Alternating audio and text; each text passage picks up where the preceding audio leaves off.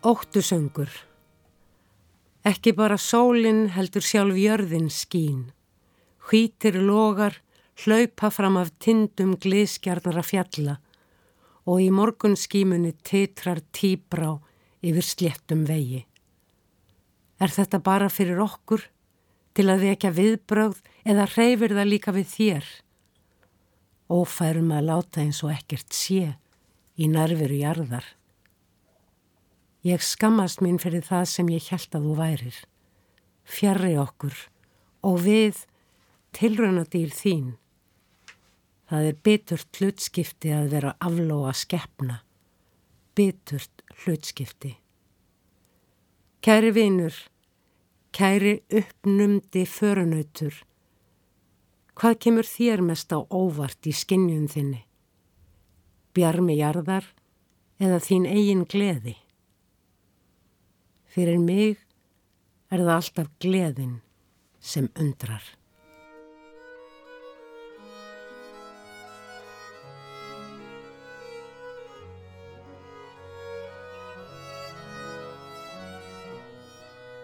Heil og sæl kærlustendur, Halla Harðardóttir og Tómas Ævar Ólafsson heilsugur hérna úr hljóðstofu Vísjár mánudaginn 16. oktober.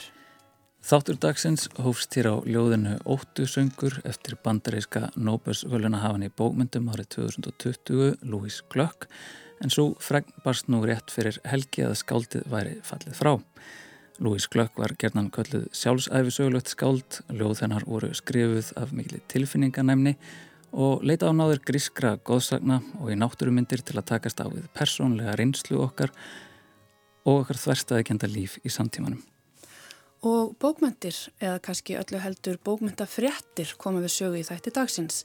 Bókmyndavælunin Liberatúrpræs sem Littprom samtökin veita árlega á bókamessun í Frankfurt til kvennhöfunda frá Afríku, Asju, Suður-Ameríku og Miðausturlöndum verða ekki afhengt á messun í ár. Verlunin hlýtur palestinski höfundurinn Adania Shibli en aðstandendur bókamessunar hafa ákveðið að fresta aðtöfninni og ástæðan er með þeirra orðalagi stríðið sem Hamas hóf í síðustu viku sem veldur þjáningu miljón manna bæði í Ísrael og Palestínu.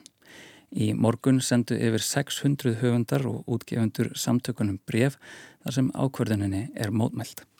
Við veltum þessu fyrir okkur í þætti dagsins með Kristjáni B. Jónasinni, bókaútgefanda sem þekkir vel bókamessuna og þýskan bókmyndaheim og palestinska skáldinu Masín Marúf. Einnig heyru við af áhugaverðum tónleikum sem listvinafélagið heldur í Norðurljósasal Hörpu á morgun. Þar mun alþjóðlega baróksveitin Ensemble Maskes flytja tónlist eftir Barbaru Strozzi. Strozzi fættist árið 1619 í Fenegjum og var hilt sem ein af bestu söngunum og afkastamestu tónskaldum síns tíma. Óvinnumörg verk hennar voru gefin út á prenti, jafnvel fleiri en eftir flesta Karlkins kollega hennar Engu að síður lest hún flestum glimt í Padua árið 1677. Meirum það hér á eftir með Ingur Ós Ingólsdóttur, framkvæmdarstjóra Listvinnafélagsins. En við byrjum á því sem að vara að gerast í myndlistalífinni í Reykjavík um helgina.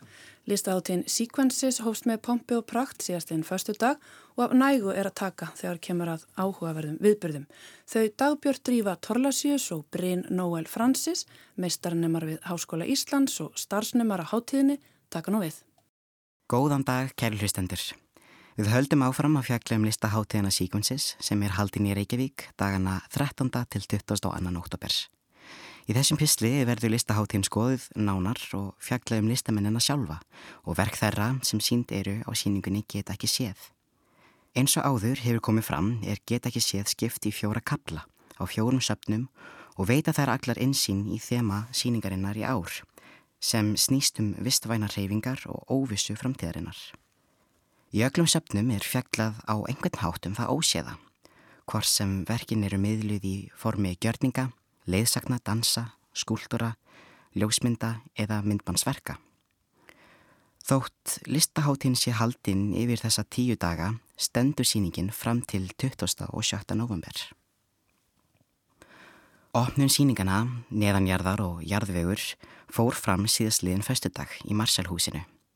Á annari hæð í nýlisasafninu draugums við ofan í jörðina á síningana neðanjarðar. Þar má meðal annars sjá alltari undirheima, skapað úr leir og málverk málað með botleðju. Myndlistamæðurinn Monika Sitsík býr og starfar í Helsingi. Í nýlisafninu hefur hún málað á tíu glukka sapsins með höndum og allskynns verkfærum. Hún vinnur við blöytan leir sem hún málar með þunnum lögum, lag eftir lag og skapar þannig teikningar og málverk af fíkurtífum og tánreinum verum. Þetta litarúf mismunandi jarðefna sem hún hefur meðal annars sapnað á ferðarlægi sínu þvert yfir Ísland, Finnland, Ísland og Póland. Það er töfrandi að sjá hvernig ljósið að utan skín í gegnum verkið og hvernig jarðlítinni breyta um tóna allt eftir sólarljósinu og tíma dagsins. Skam frá verki Móniku Sissík er myndarið valgerða Brim, landlit. Í verkum hennar er hvert einstakt mynstur þróa með þrótleysri vinnu í ótalskissum. Mönstri minnir á gróður og grjót, sprungur og bergmyndanir sem elma af hauskölda. Katri Lís Rák frá talinni Íslandi leggur með glerverkum sínum sérstaka áherslu á markbreytilega líkams upplifun og flæði. Verkin opna aðra leið til að sjá og skinja. Á síningunni má snerta verkin en með því vill listamæðurinn beina sjónum okkar að samskiptum í gegnum snertinu og að við lærum að eiga samskipti við hluti og lífurur af alúð og nærgætni. Skuldur gerðar Helgadóttur gæti verið lífura, nýskriðin upp úr jarðveginum ásamt bön eftir dægu Grantína frá Lettlandi, sem virkar einni eins og óþægt fyrirbæri úr náttúrunni neðanjarðar. Þrývita skúltur og prentverk Önnu Líndal, kortlagning landnáms örvera neðanjarðars, fjallir um löngun til að hafa samskipti við aðrar verur, sem og örverur, sem við deilum jörðinni með. Ásamt löngun til að skilja ókunna hluti. Hér byrtast örverurnar eftir að hafa verið stækkar 50.000 sinnum. Nú fáum við tækifæri til að sjá það sem við annars getum ekki séð. Á þriðju hæð í Klingobang er fjagla um það sem er undir fótum okkar, jarðvegin.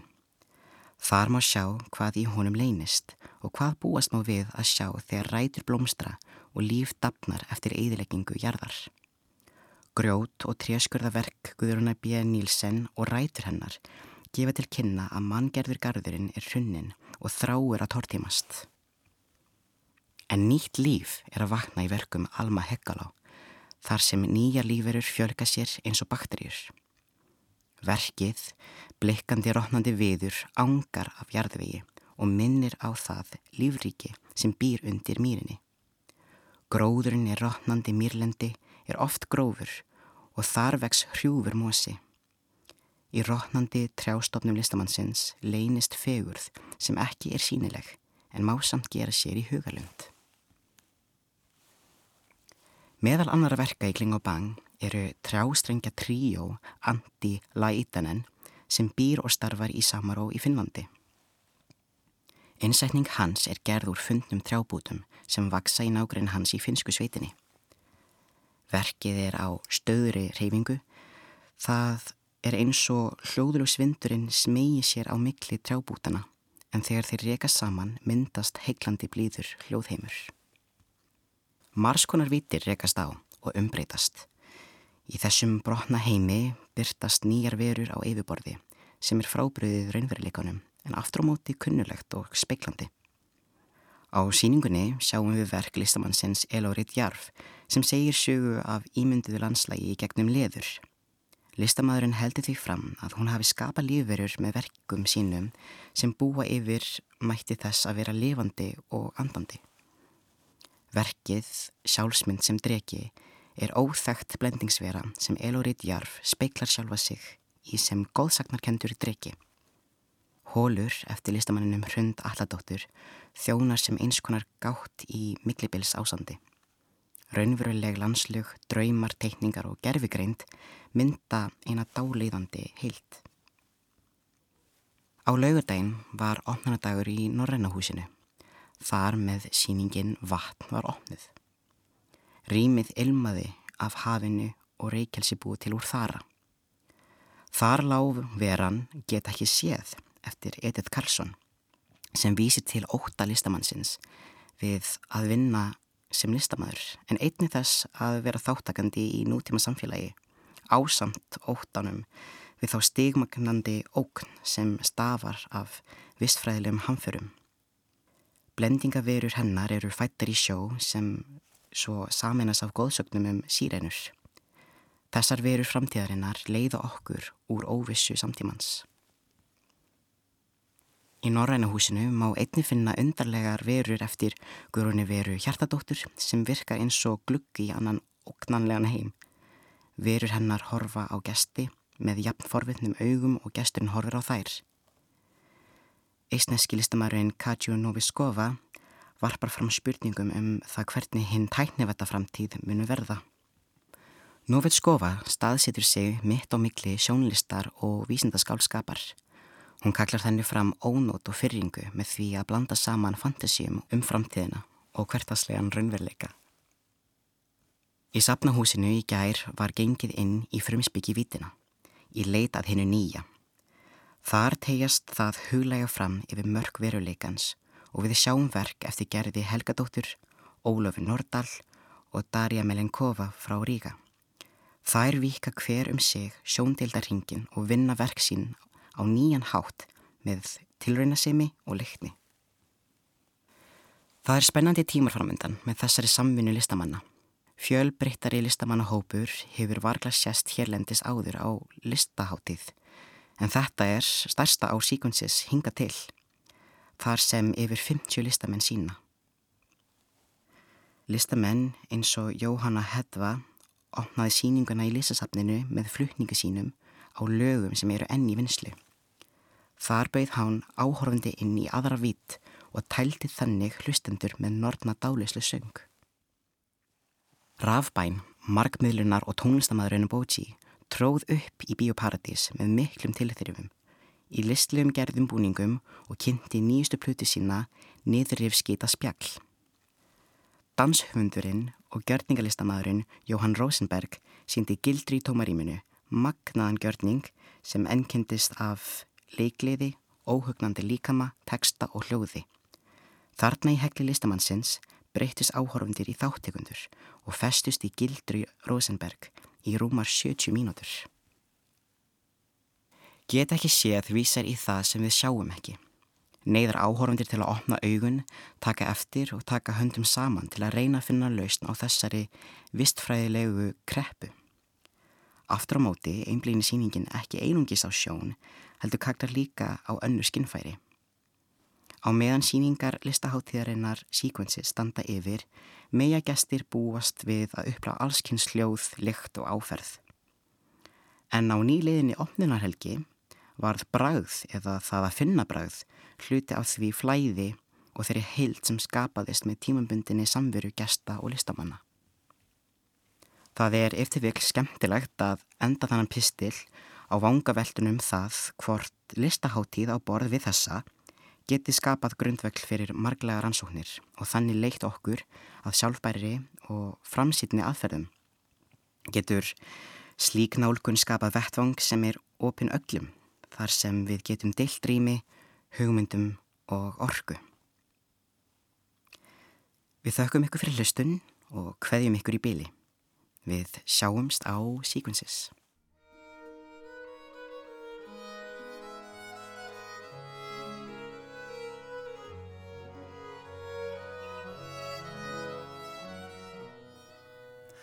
Kastljós fjölmila beinist um þessa myndir að bókamessun í Frankfurt sem er svo stærsta sinna tegundar í heimi. Fjölmargir í tegundar og útgefundur við svegar að saka aðstandendur messunar um að þakka niður í palestinskum röttum og slaufa palestinska velunahöfundunum Adaniu Sibli en aðtöfn smátt að verðlauna og heidra Sibli var tekin á dagskorani vegna atbyrða síðustu daga í Ísrael og Palestínu. Sibli sem er af palestinskum ættum en býr bæði í Berlín og Jérúsalem átt að taka við verðununum sem kallast Liberatur Prize og eru veitt árlega kvennhöfundum frá Afriku, Asju, Suður Ameriku og Miðusturlandum. Síðastlegin förstu dag ákvaða nendin sem sér um velunin að fresta aðtöfninni og ástæðan stríðið sem Hamas hóf í síðustu viku sem veldur þjáningu miljónamanna í bæði Ísrael og Palestínu eins og það var orðað í tilkynningum. Í uppalegu tilkynningunni frá nefndinni saðist hún hafa tekið ákverðunina í samráðu við Sýbli, nokkuð sem að höfundurinn hefur rakið í samtali við Breska dagblæði Guardian. Ekki hafi verið haft samráð við hanna og að hefði hún tekið við verðlununum það hún nýtt tækifæri til að velta fyrir sér spurningum um hlutverk bókmenta á slíkum tímum. Útgefandi Sýbli í Breitlandi hefur gefið frá sér yfirlýsingu þar sem hún fordamir ákverðunina þar sem að eitt af hlutverkum bókmynda sé að auka skilning og samtal á milli menningarheima. Yfir 600 rítvöndar og útgefundur þar á meðal Anni Ernó og Olga Tokarczuk, Ian McEwan og Pilar Quintana hafa nú sett napsitt undir bref sem gaggrínir aðstandendur bókamessunar þar sem verið sé að þakka niður í höfundi í stað þess að gefa palestínskri rödd rými á þessum vettvangi til að deila hugmyndum sínum um bókmentir á ja, ræðilegum tímum. Bókin sem verðluna átti Sibli fyrir kallast Minor Detail og kom fyrst út árið 2017 en árið 2020 í enskri þýðingu. Bókin byggir á sönnum atbyrðum, fléttar saman sannri sögu af palestinskri stúlku sem var nöðgað af Ísraelskum hermönum árið 1949 og skáldaðri bladakonu sem rannsakar glæpin í Ramallah nútímans. Hún fekk mikið lof þegar hún kom út og var meðal annars tilnæmt til The National Book Award og Booker-velunana. Við ákvaðum að heyra í Kristjáni B. Jónasinni, bókáttgefanda sem hefur sótt bókamessuna í Frankfurt í fjölda ára. Blesaður sæl Kristján og takk fyrir að vera með okkur hérna í Vísjá. Svona, kannski bara til að byrja með, hvernig slá þessar fréttir þig? Hvað finnst þér um þetta, þessi viðbröð aðstandenda messunar? Ég, ég, sko, þetta kemur ekkit óvart, svona miðaður bara hvernig stemmingin er í tísku fjölmjölum og verðist vera svona í þeir umræði sem er um, um, um árás Hams liða á Ísrael og svo aftur árás Ísraelsels á, á Gaza. Þar er gríðarlega ótti einfallega bara við það, hvað maður segja, styggja Ísraelsmenni eða öllu heldur að þess konar gaggríni á þessar aðgerðið verði tólku sem geðingahattur og það er bara mjög útbreytt skoðun í samfélaginu eða í þessum svona fjölmjöla heimi í Þýskarlandi í dag og, og hérna þannig þessi, þessi svona umræða kemur ekki alveg, eða þessi ákvörðin kemur ekki alveg óvart svona ljósið þess hvernig þetta hefur svona spilast úr þessu síðustu dag.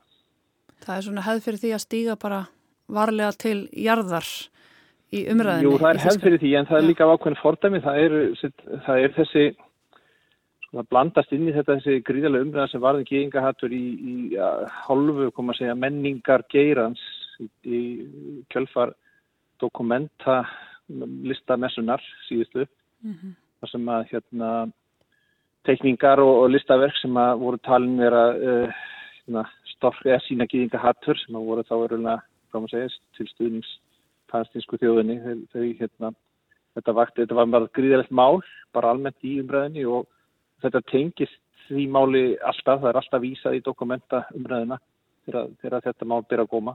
En, en í raun og veru snýst þetta um annars vegar að messan, bókamessan í Frankfurt sem er fyrirtæki, er táttakandi í stofnunin sem veitir velunin, Litprom, sem er mjög merkileg eh, stofnun eða, eða félagskapur sem að á sín og reynda rætur í Lútersku kirkjunni og nýjunda áratúr síðustu aldar sem að hérna beitti sér bara fyrir því að auka á menningarsamskipti við það sem það var kallað þriði heimurinn en þetta er núna þýskur der glóbalið zúdin sem er þá, hvað maður segja, hvað söðrið og hérna þau, þau, þessi stofnun hefur bara vaksið ásmiðin og Vittbróm sko sértum sem að kynna uh, bækur frá Afriku, Asíu, Suður Ameríku fyrir þýskum forlugum og, og, og, og í álfuruna líka já og bókundavelunin sem umræðir eru, eins og þið kannski vitið, eru engungu vitt konum frá þessu svæði fyrir nýjar týringar og verkum þeirra á tísku. Og hérna verðlunin í þeirri mynd sem verður vitt núna, þeir verður vitt svona í áratug, þessi tíu ár sína hafa byrjað að veita þau á messunni og, og það er leiðandi er sko bókamessan sjálf og hennar forstjóri Jörgen Bós svona þáttakendur í þessu og, og, og hann hefur til bara stíði fram fyrir skjöld og sagt bara absolutt að hann muni beiti sér í að á bókkomessunni núna sem hefst núna morgun formlega sem verður sett á morgun að hún muni uh, Ísraelsmenn eða þessar, þessar ára sem Hamasliði verður sérstaklega minnst þar og, og Ísraelskir uh, bókmentir og, og, og höfundar fái auki vægjamessunni fremur umfram það sem áður hafi verið ákveð. Einmitt, þannig að í stað þess að gefa politískum höfundi rödd uh, og svið þá er búið að íta henni út og, og veita hinnum aðlunum sviðið. E, já, svona kann maður segja, þeir myndir nú ekki alveg takk eftir þessi orð, tólka þessi orð þannig en, en svona frá utan frá séð þá virkar þetta svolítið þannig, já. En uh, já, við fórum síðan að velta fyrir okkur að eins og Adanja Sibli er búin að segja sjálf svona í kjölf, kjölfar þessarar tilkynningar að þá hefðu notað tækifærið að ræðu púltið til að velta fyrir þessu spurningu um hlutverk bókmynda á, á slikum tíma og bara eiginlega bara akkurat í dag, mætti segja.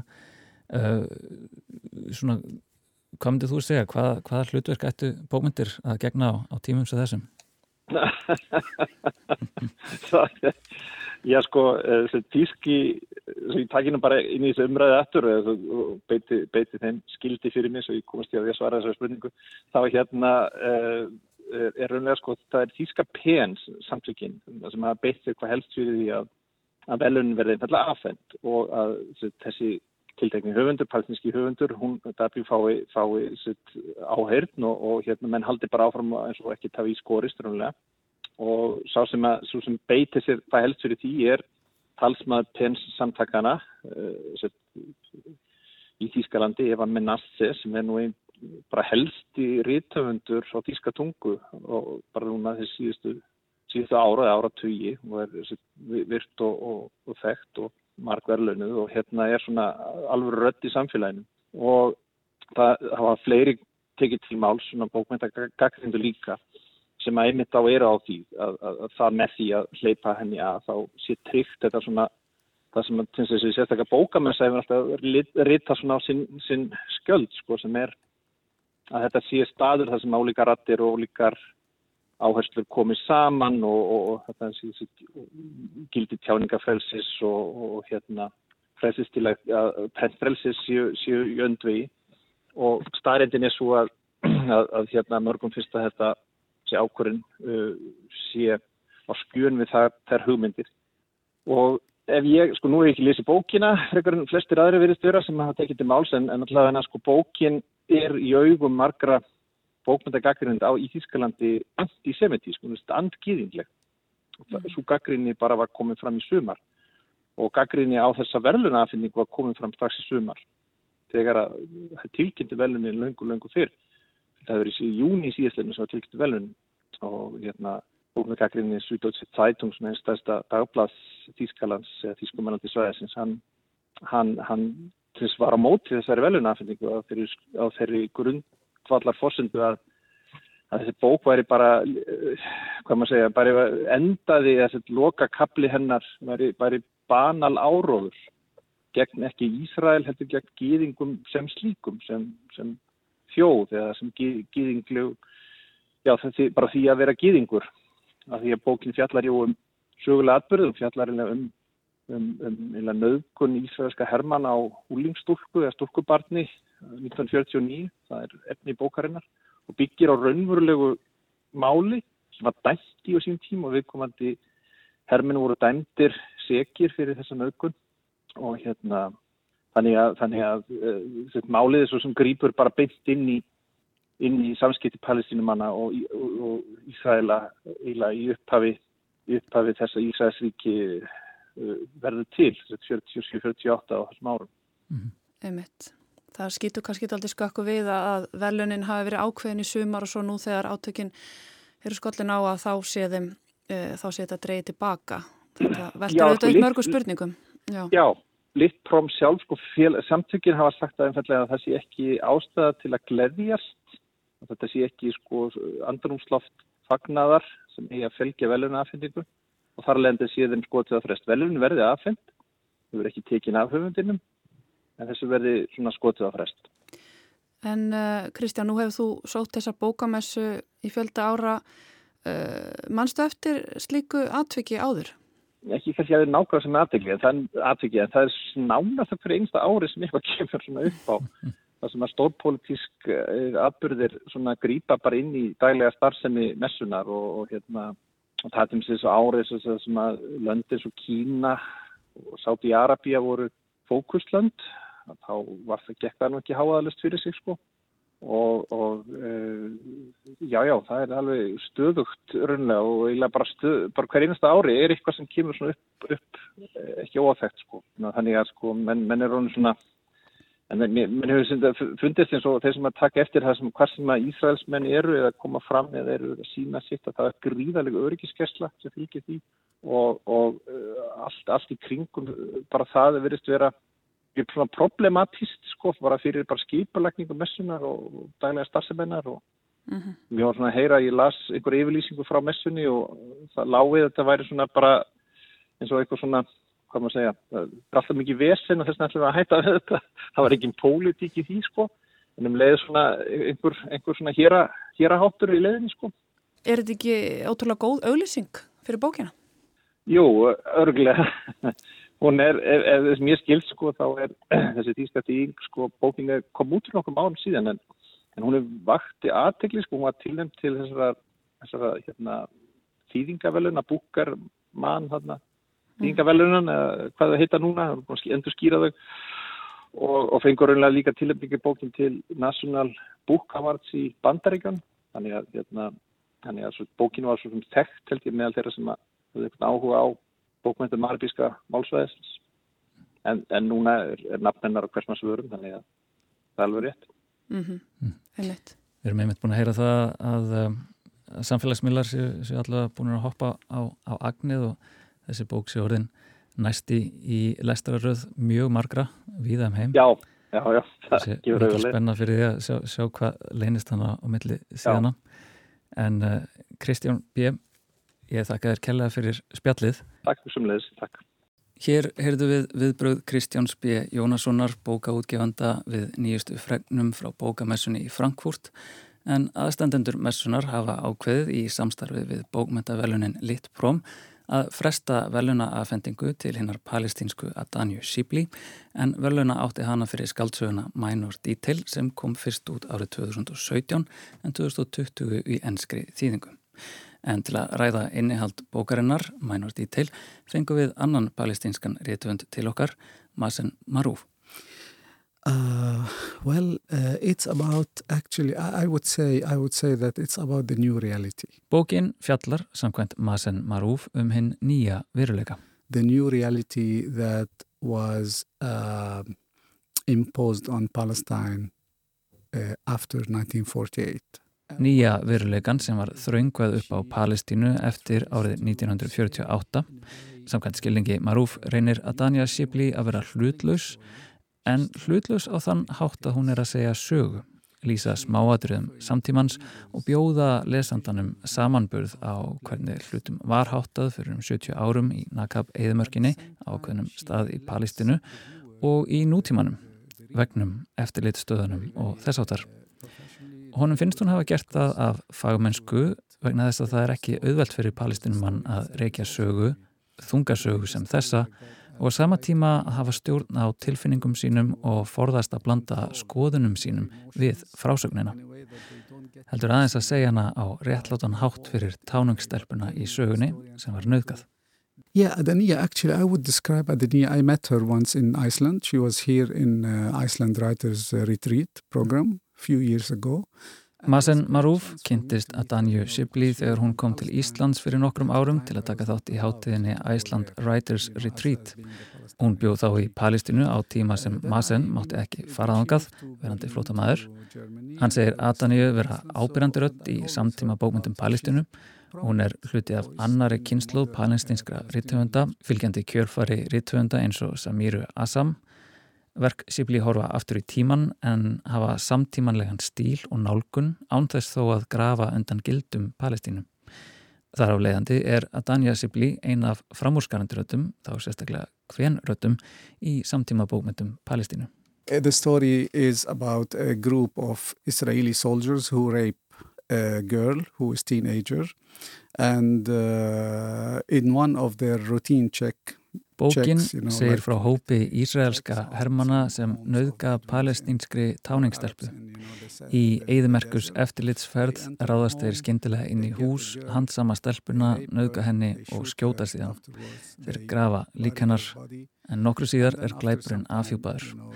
Sagan átti sér staði í alvörunni og voru hermenninir og herfóringin fangilsaðir af ísraelskum domstólum sem leituði réttlætis fyrir handstelpunar með þeim hætti. En í síðari hluta bókarinnar er að finna áhugaverða sögu af daglegu lífi í nútíma Palestínu. Aragrúi veggja og eftirlitstöða hefur sprottið upp á undanförnum áratugum í landinu sem er fimm sinnum minni en Ísland. Bókin lýsir óttanum í slíku umhverfi sem palestinum búa við í dag. Masen Marúf segir að ef maður er palestinum maður í eftirlit stöð veit maður raunverulega ekki hvernig stoppið mun fara því það veldur gerðan á gethóta hermanana. Í þessum síðari hluta bókar bregður Adania sér í líki konu sem er að rannsaka örlög stelpunar sem er ráðistofi fyrir hlutunum og ferðalag hennar í gegnum eftirlitið afhjúpar mátt skaldskapurins. Að með orðunum einum er hægt að lifka við staði og veita lesendum tækifæri til að finna fyrir og lifa sig í gegnum það sem líst er á blaðsíðanum. Ánþess þó að vera á staðnum sem líst er. Í bókinni er að bóðið upp á sögulegt sjónarhort frá tveimur mismunandi stöðum. Við höfum sjálfa söguna af nöðguninni, hvað gerðist og síðan frásögn af áhrifum hennar á fólk nokkrum árum og áratugum síðar. Það endar síðan á að sína lesenda að óréttlætið sem úlingstelpan í sögunni var beitt er af sama meiði og það sem sínir sig í hernámi, eftirlitstöðum, veggjum, landskiptingu og aðskilnaðistefnu. You know, Frankfurt Book Fair is the biggest book fair probably uh, in Europe and one of the most important book fairs in the world. And, Aðspurður um hvernig fregninar af frestun verlaunana komu viðan minnir Marúf á að Frankfurt bókamessan sé svo stærsta í Evrópu og eins og mikilvægasta í heiminum og að þessari stundu búum við við stöðu að stríðsókn um alla plánundu og tröstmillim manneskja verist vera í lámarki. Þar af leiðandi er mikil þörf á erindi bókmyndana til að byggja upp traust og loka gjánni sem er að myndast fólks á milli. Við vitum ekkert endilega mikið um hvert annað. Við vitum sikkvað um íþróttir og tísku, túrisma og mat, hverskins hluti, en kannski ekki mikið um menningu hvors annars. Og hlutverk bókmyndana er að vera sterk yfirlýsing gegn hverskins pólitískum tilraunum til að stýja fólki í sundur, aðskilja og einangra frá hvort öðrum. Varandi Frankfurt þá sínir hátiðin miljónir hugmynda í gegnum miljónir bóka en síðan allt í einu ákveður messan að draga eina bók eða einn palestínskan ritthönd frá og segja síðan í yfirlýsingu sinni að þau vilja endurspekla Ísraelskar bókmyndarættir. Masen segist ekki vissum hvað Ísraelskum höfundum finnist raunverulega um slíkt og efast að þetta gleði þá vegna þessum þessar myndir geysar ný bylgja Ísraelska ritthönda sem eru orðinir mjög gaggrínir á pólitiska ástandi sem ríkir við miðjarahaf.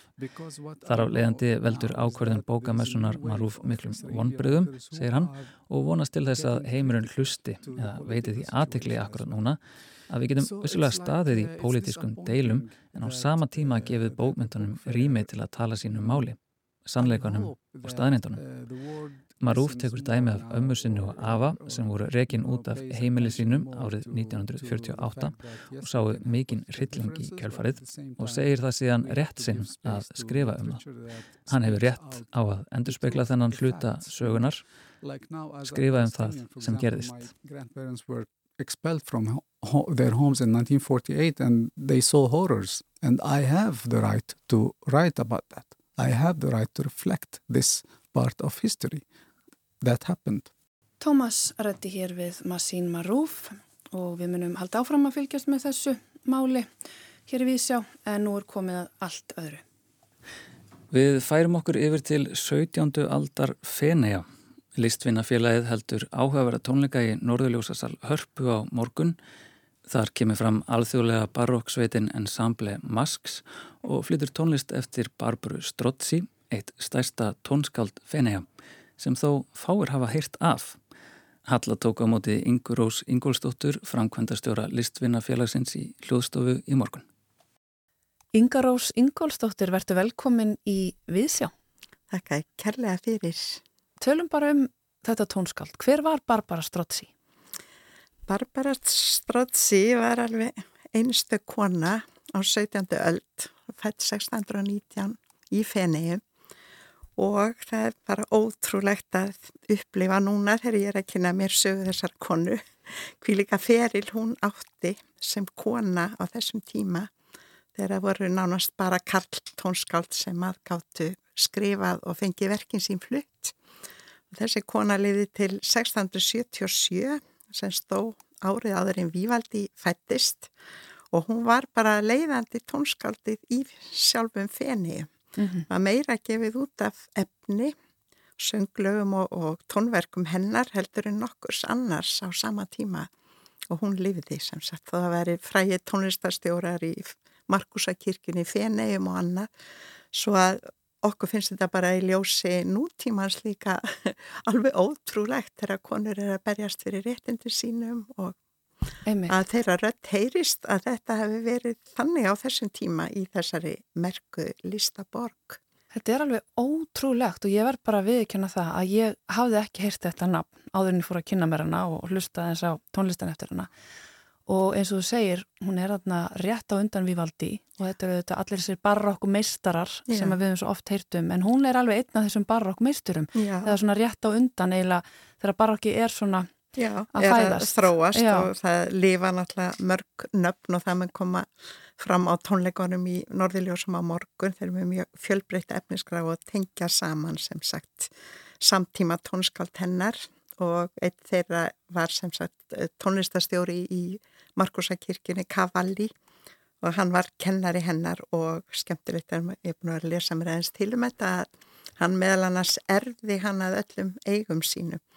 En, og hún var eini erfingin sem maður sér hversu stert samband var þeirra á milli eða hversu mikla virðingu hann bar fyrir henni.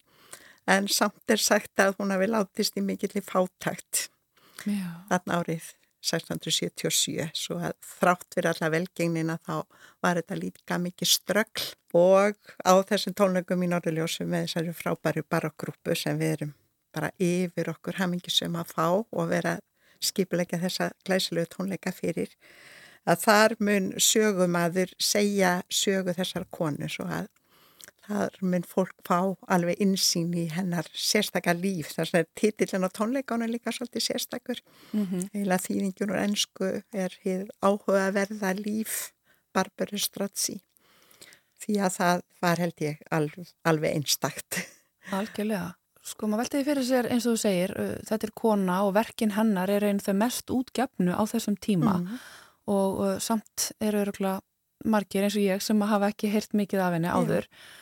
Hvað, getur þú sagt mér hvað gerða verkum að, að sko fættist hún inn í efristjætt eða hvað gerða henni klift að, að, að skapa og vera að gera það sem hún gerði? Já, það er einmitt svo áhugavert að fadir hennar, hann var mjög merkur sem sagt fræðimaður og hátt settur þannig í fenegum og var í einhvern svona hópi, þetta var nú mikið svona einhverjir leini hópar en einhver mjög aktífur hópur sem hann var meðlimir í þar sem voru fræði menn og skáld og, og tónskáld og rættum politík og trúmál og allt mögulegt og mér skilst að í gegnum þennan félagskap hans þar sem hann byrjaði að láta dóttur sína syngja. Hún var nefnilega ekki bara tónskált, heldur alveg afburða fín söngkona líka og hrífandi eftir sem ég hef lesið mér til um. Og þá fann hann einhvern veginn vettvang fyrir hanna að geta komið fram bæði með sína tónlist og sem einsöngvari. Og það var stopnað eitthvað annað félags sem að hún fekk að ráða tónlistinni í sem bar nafnið, ég man nú ekki alveg hvernig ítalskan er nema Unisono sem er náttúrulega mjög frækt í tónlistinni sem er samhljómur eða allir spili saman sem er rött og það var svona nafni á þessari leini grúpu eða grúpu sem myndaði þetta bakland mhm. fyrir hana sem var bara, er, já, eða er svo stórkáslegt að hugsa til núna og verkininnar voru semst svona gífilega vinsæl mm -hmm. og samt í mjög mikið af sönglögum en í alls konar stíl bæði madrigala og kirkilegverk með text eftir Mar um Marju May og líka kantötur og sem starjur en alls ekki óperutónlist, það var ekki hennar Nei. og hún söng ekki óperun sjálf, heldur kom fram svona með þá bara á grúpum Já, þetta er svona sönglög, texti og svona fylgjuröld Já, með. og þykir einmitt líka sérstætt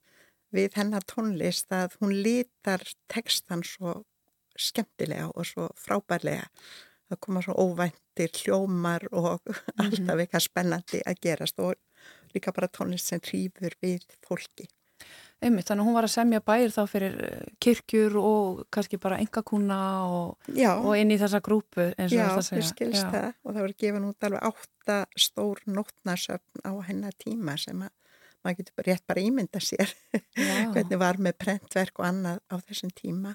Einmitt. Og, og sagana sem satt lifir einn fára kvenna ég held að þetta þykir bara alveg einstakt og sé að þetta ganga nótum hennar mm -hmm. í bókasöfnum út í heimi. Og, og hún skrifaði sönglegin líka takstana sjálf, var þetta þá verallegir að kirkjulegir tekstar? Ég held að það hef verið bara, já, sem sagt, svona tekstar mikið tengdi Marju mei en, en líka fyrir kantutur þá, mm -hmm. fyrir reistatíf og annað og ég veit það bara ekki því miður sjálf, ég get ekki svaraði hvort að hún hafi sami alla tekstana sjálf eða hvort hún var í samvennu við einhver skált á þessum tíma og hugsanlega tengt pappinar.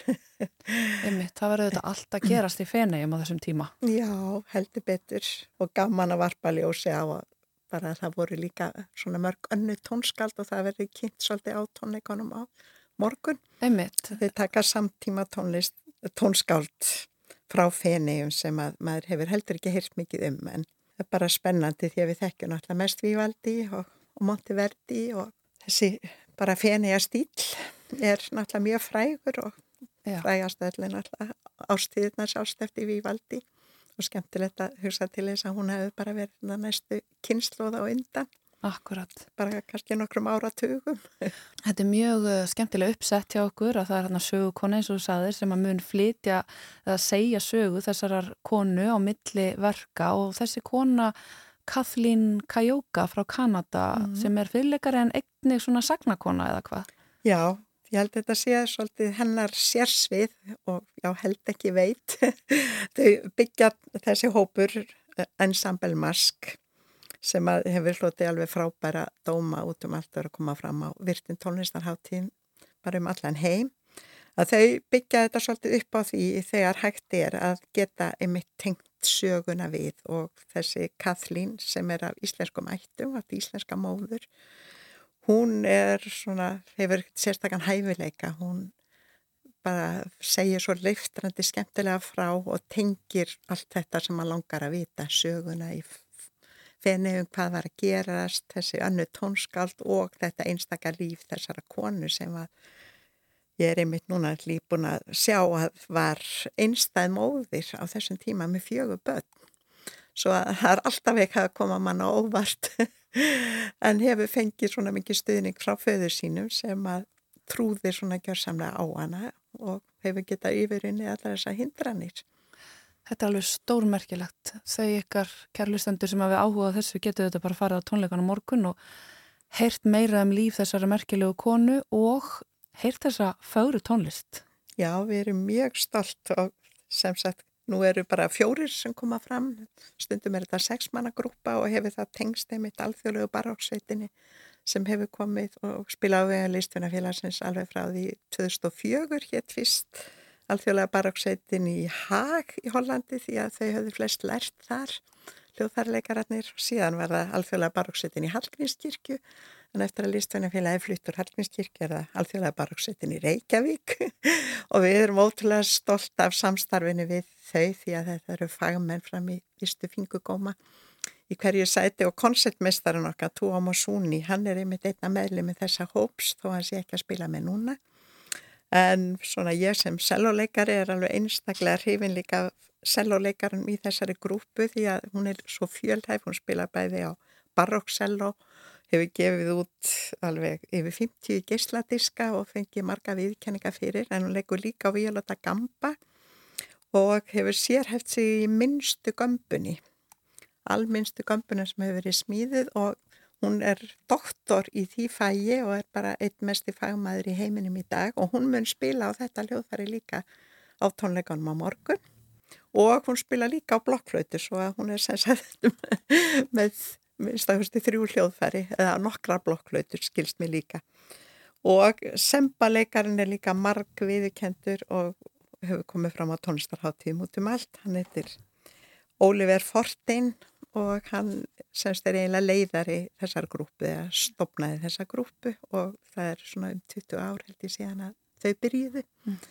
og er bara mikil siguganga og ótrúlega gaman að vinna með þið en núna eru þau semst með þessa frönsku barókssöngkonu sem gerst oftast er það bara hljóðfæra grúpa En í sambandi við þetta prógram sem þau langaði að bjóða upp á og rannsaka meira fyrir Barbaru Strossi þá er þessi franska Melisande Corrivieux sem hefur verið að syngja með bara mörgum stærstu baróksveitum í heimi og meðal annars ég er mjög hrifin að Rafael Pichon, við sjáum hann ofta á Metso, hann er að spila með ensemble Pygmalion og er að stjórna minni og þykir bara einn eitt stærsta nafnið í dag svo leiðis að við erum með þarna ótrúlega listamenn sem við mm -hmm. erum stolt að geta bóðið upp á veistlu með.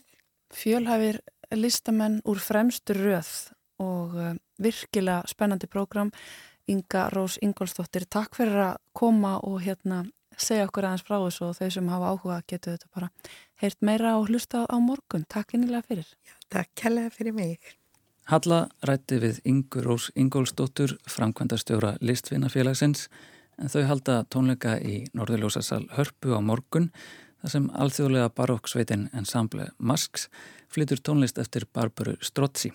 Og við skulum enda á tónlist eftir Barbaru Strozzi. Anna Katarina Antonazzi, sopram, syngur lægið La Greme Mie Ce Vi Tratte Nete, eða af hverju fellur ekki tár þrátt fyrir allan sásökan. Takk fyrir að hlusta og verið sæl.